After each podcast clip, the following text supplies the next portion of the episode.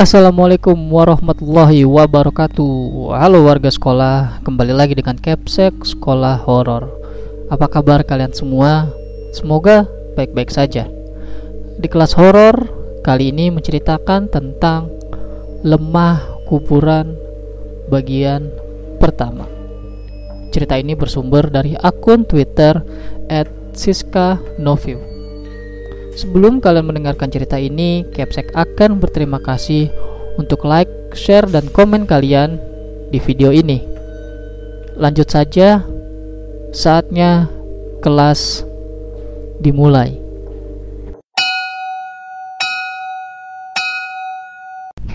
Parofik dan keluarga baru saja pindah dari kota ke sebuah desa yang berada di selatan kota Jember.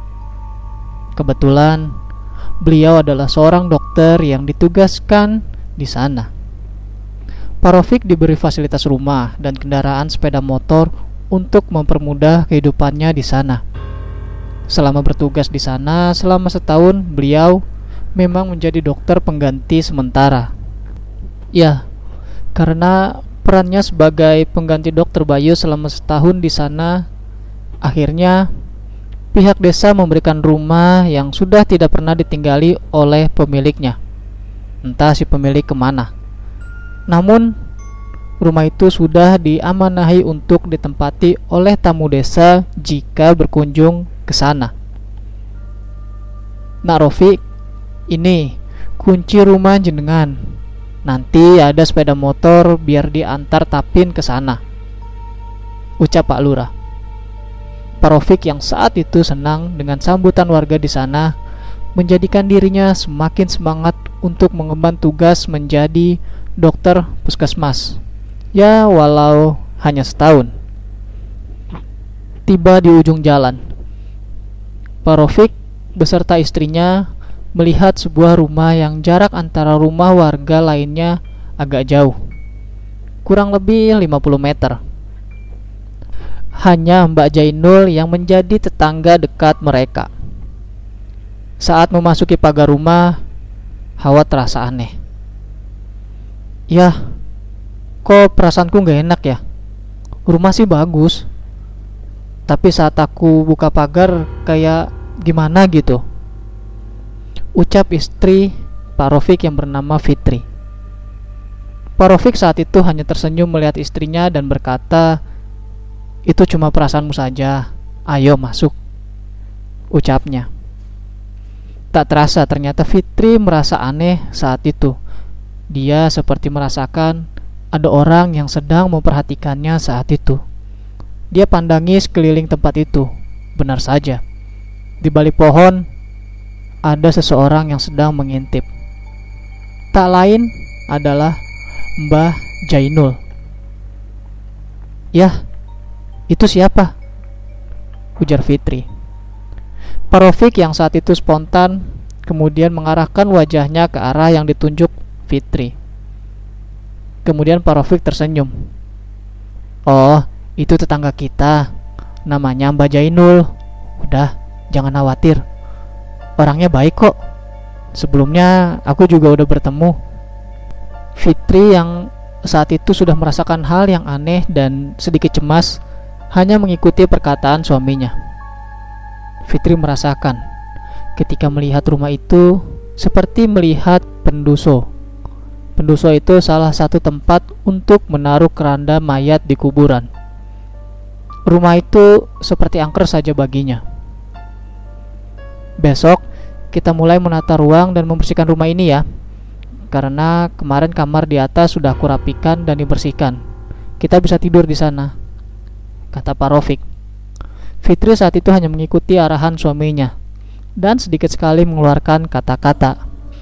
Keesokan harinya, Pak Rofik berangkat ke puskesmas. Hanyalah Fitri yang sendiri di sana.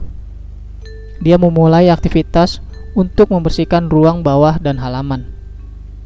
Namun, ketika dia membersihkan halaman, tiba-tiba Mbak Jainul menghampirinya. Duk, sedang bersih-bersih ya? Mampir ke rumah. Kebetulan saya tinggal dengan cucu saya. Dia sudah mau lulus SMK sebentar lagi. Ucap Mbak Jainul. Fitri yang saat itu ragu-ragu akhirnya memberanikan diri untuk menghampirinya. Nggih mbah, kenalkan saya Fitri, istrinya Pak Rofik. Ucapnya dengan tersenyum. Fitri memang bukan orang yang gampang dekat dengan orang. Sifatnya yang pendiam dan susah ditebak menjadikan dirinya agak dijauhi oleh orang-orang yang mengenalnya. Usai perbincangan itu, Fitri mendengar suara benda berjatuhan di dapurnya. Mbah Jainul yang saat itu terkejut hanya terdiam dan memperhatikan lurus ke arah jendela dapur. Fitri yang saat itu mendengar langsung berlari dan melihat apa yang terjadi.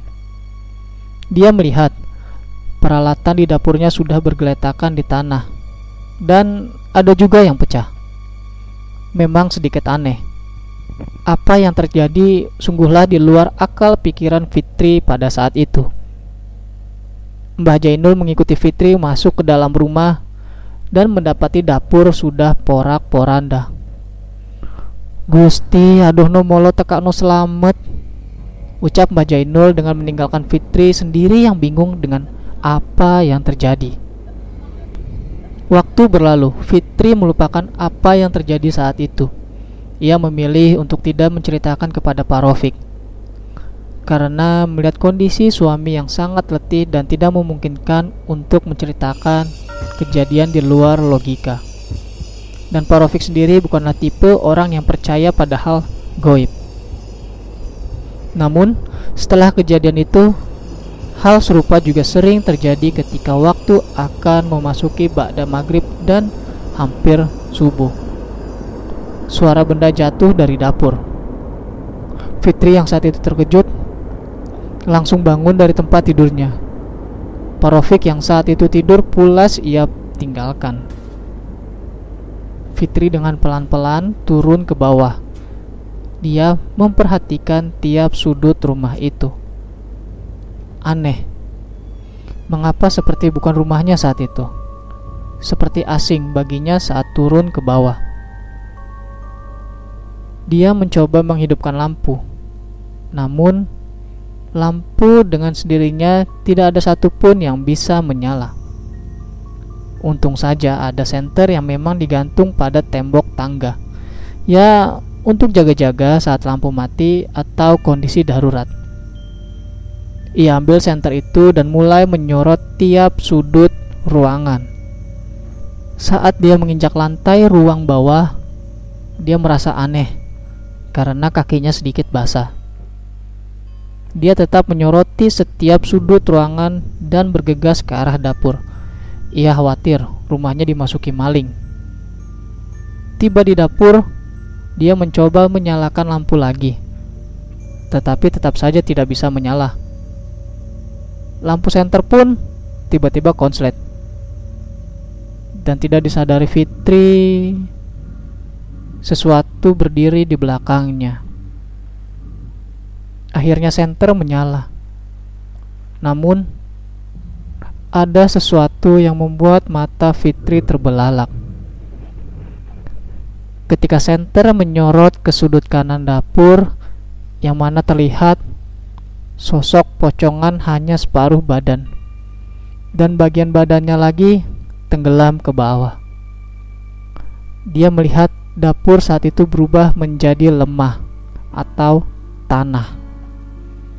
Tangan Fitri sudah mulai gemetaran dan keringat dingin keluar dari tubuhnya. Dia mencoba mengarahkan senter itu ke sudut itu. Namun di sana tidak ada apa-apa. Kemudian terdengar suara dari belakangnya. Pergi. Saat Fitri menoleh, pocong dengan wajah hancur sedang tertawa kepadanya. Kejadian itu kemudian berlalu. Pak Rofik masih kekeh dengan pendiriannya. Istrinya mungkin hanya sedang banyak pikiran sehingga membuat dia halu. Sedangkan Fitri tetap dengan keyakinannya bahwa rumah itu menyimpan sesuatu. Hingga suatu ketika, tepat tiga bulan mereka tinggal di sana, hal aneh pun terjadi lagi. Malam itu tepat hari Kamis malam Jumat Legi Parofik dan Fitri berpapasan dengan Mbah Jainul. Mbah Jainul yang melihat Fitri seketika berkata, "Nanti jangan turun ke bawah sampai pagi hari. Hanya ngasih arahan agar bisa selamat." Ucap Mbah Jainul. Malam pun tiba. Parofik merasa pundaknya sangat berat sekali.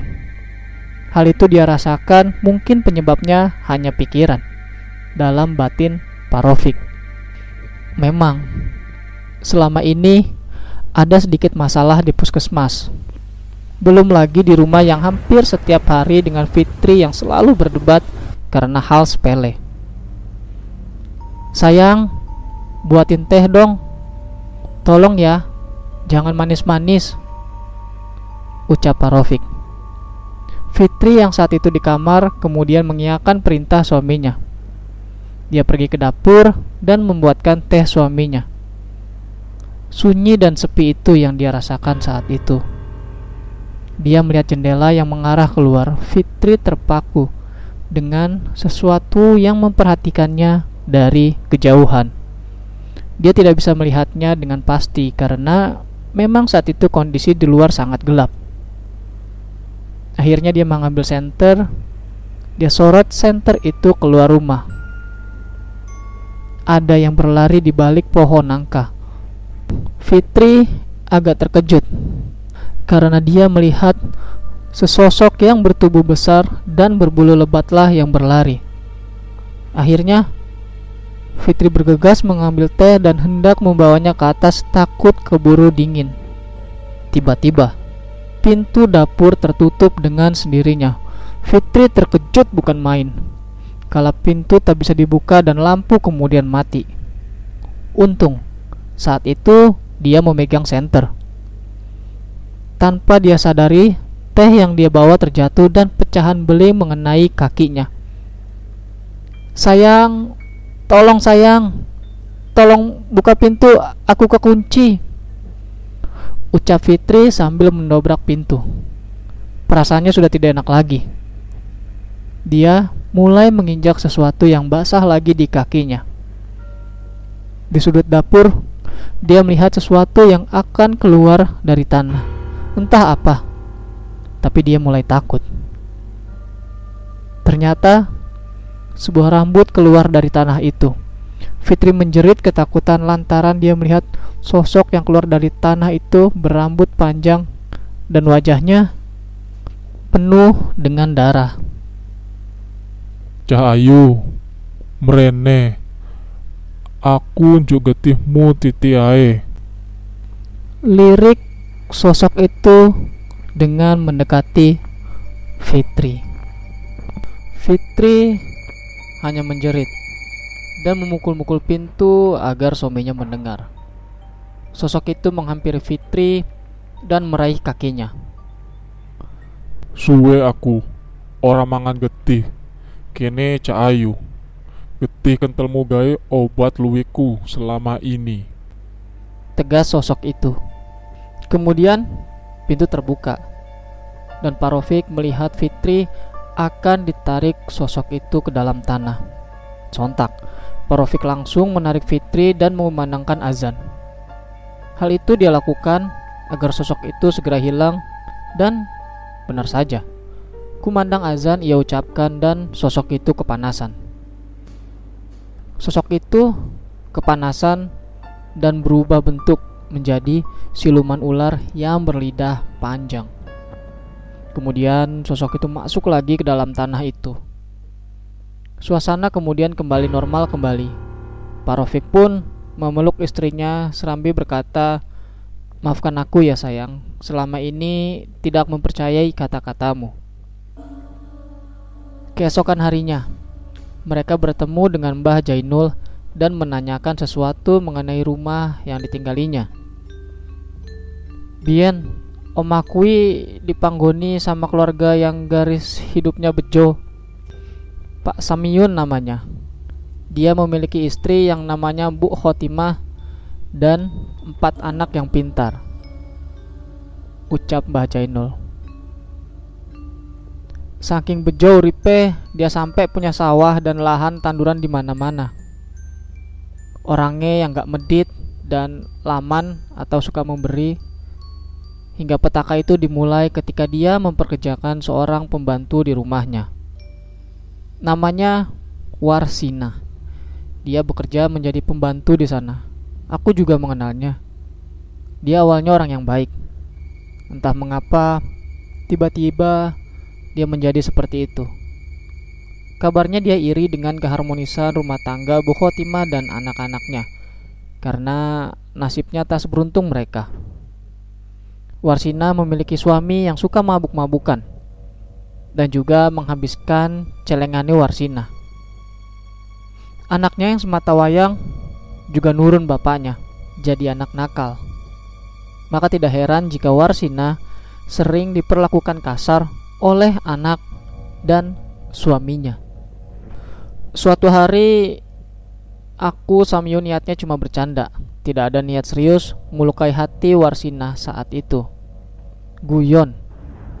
Pak Samyun itu bilang, Walah nah sumpomo awakmu iki se ayu gak buluk ngono tak rabi karo aku. Ucapan itu yang membuat Warsina sakit hati kepada Pak Samyun dan semua. Ngomong biasa dan dimulai urip eh Warsina datang.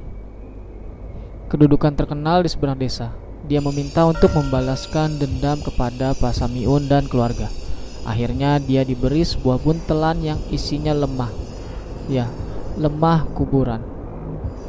Jadi lemah itu dipendam di dapur sama Wasina tanpa sepengetahuan Pak Samyun dan keluarga tentunya. Lemah itu pembawa sial untuk tempat tinggal Pak Samyun. Dulu Pak Samyun tiba-tiba usahanya bangkrut dan tanahnya di mana-mana dijual. Bahkan tak jarang aku mendengar beliau tukeran sama istrinya. Warsina setelah melakukan hal itu kemudian berhenti dan memutuskan kerja jadi TKW. Sedangkan Pak Samyun dan keluarga akhirnya pindah ke kota dan memulai bisnis di sana.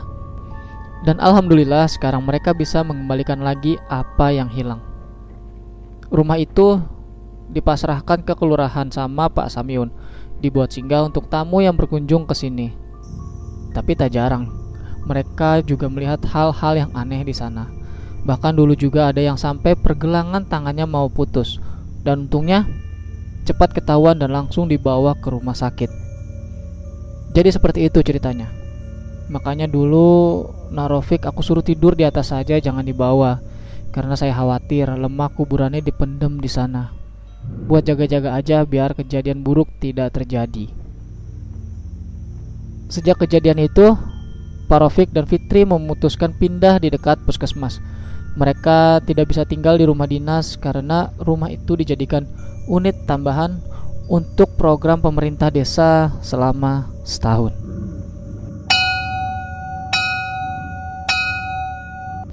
Itu dia cerita mengenai lemah kuburan bagian pertama.